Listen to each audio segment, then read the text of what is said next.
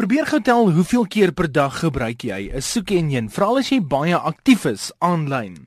Maar het jy al vir 'n oomblik gesit en gedink wat 'n soekenjin nou eintlik is en hoe hy al die inligting na jou toe bring?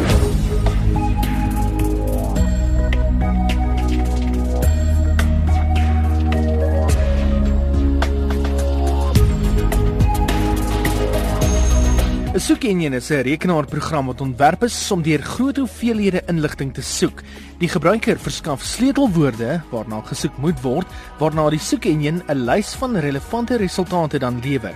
'n Soekenjin maak gebruik van 'n algoritme wat besluit watter resultate belangriker is as ander en rangskik daarna die belangrikste resultate dan heel bo of volgens voorkeure. Inligting waardeur gesoek kan word sluit in webbladsye, beelde en ander leertipes. Sekere soekenjins kan ook data in nuusgroepe en databasisse deursoek vir jou.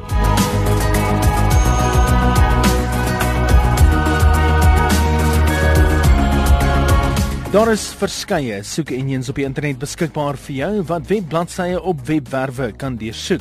Die bekendste soek-engine op die internet is sonder twyfel Google, maar voor Google was daar ook Yahoo gewees wat nog steeds aktief is, Bing, selfs DuckDuckGo.com wat ook deur mense gebruik is.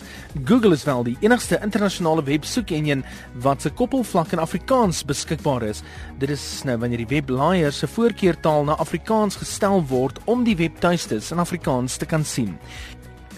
Maar die dae van die soek-enjin is dalk een van die dae op 'n einde. Erik Schultz van Google meen dat as gevolg van draagbare tegnologie en tegnologie wat so deel word van 'n mens se daaglikse lewe, kan die internet, soos ons hom ken, ten minste, een van die dae iets van die verlede wees. I would answer very simply that the internet will disappear.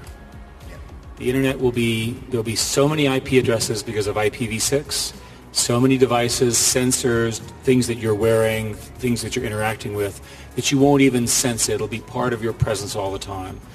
Erik Schultz van Google. So so wonderlik soos wat die soek engine is en omtrent al die vrae het met die koms en die ontwikkeling van tegnologie kan die soek engine formaat wat ons van 1997 af ken dalk in die toekoms iets van die verlede wees.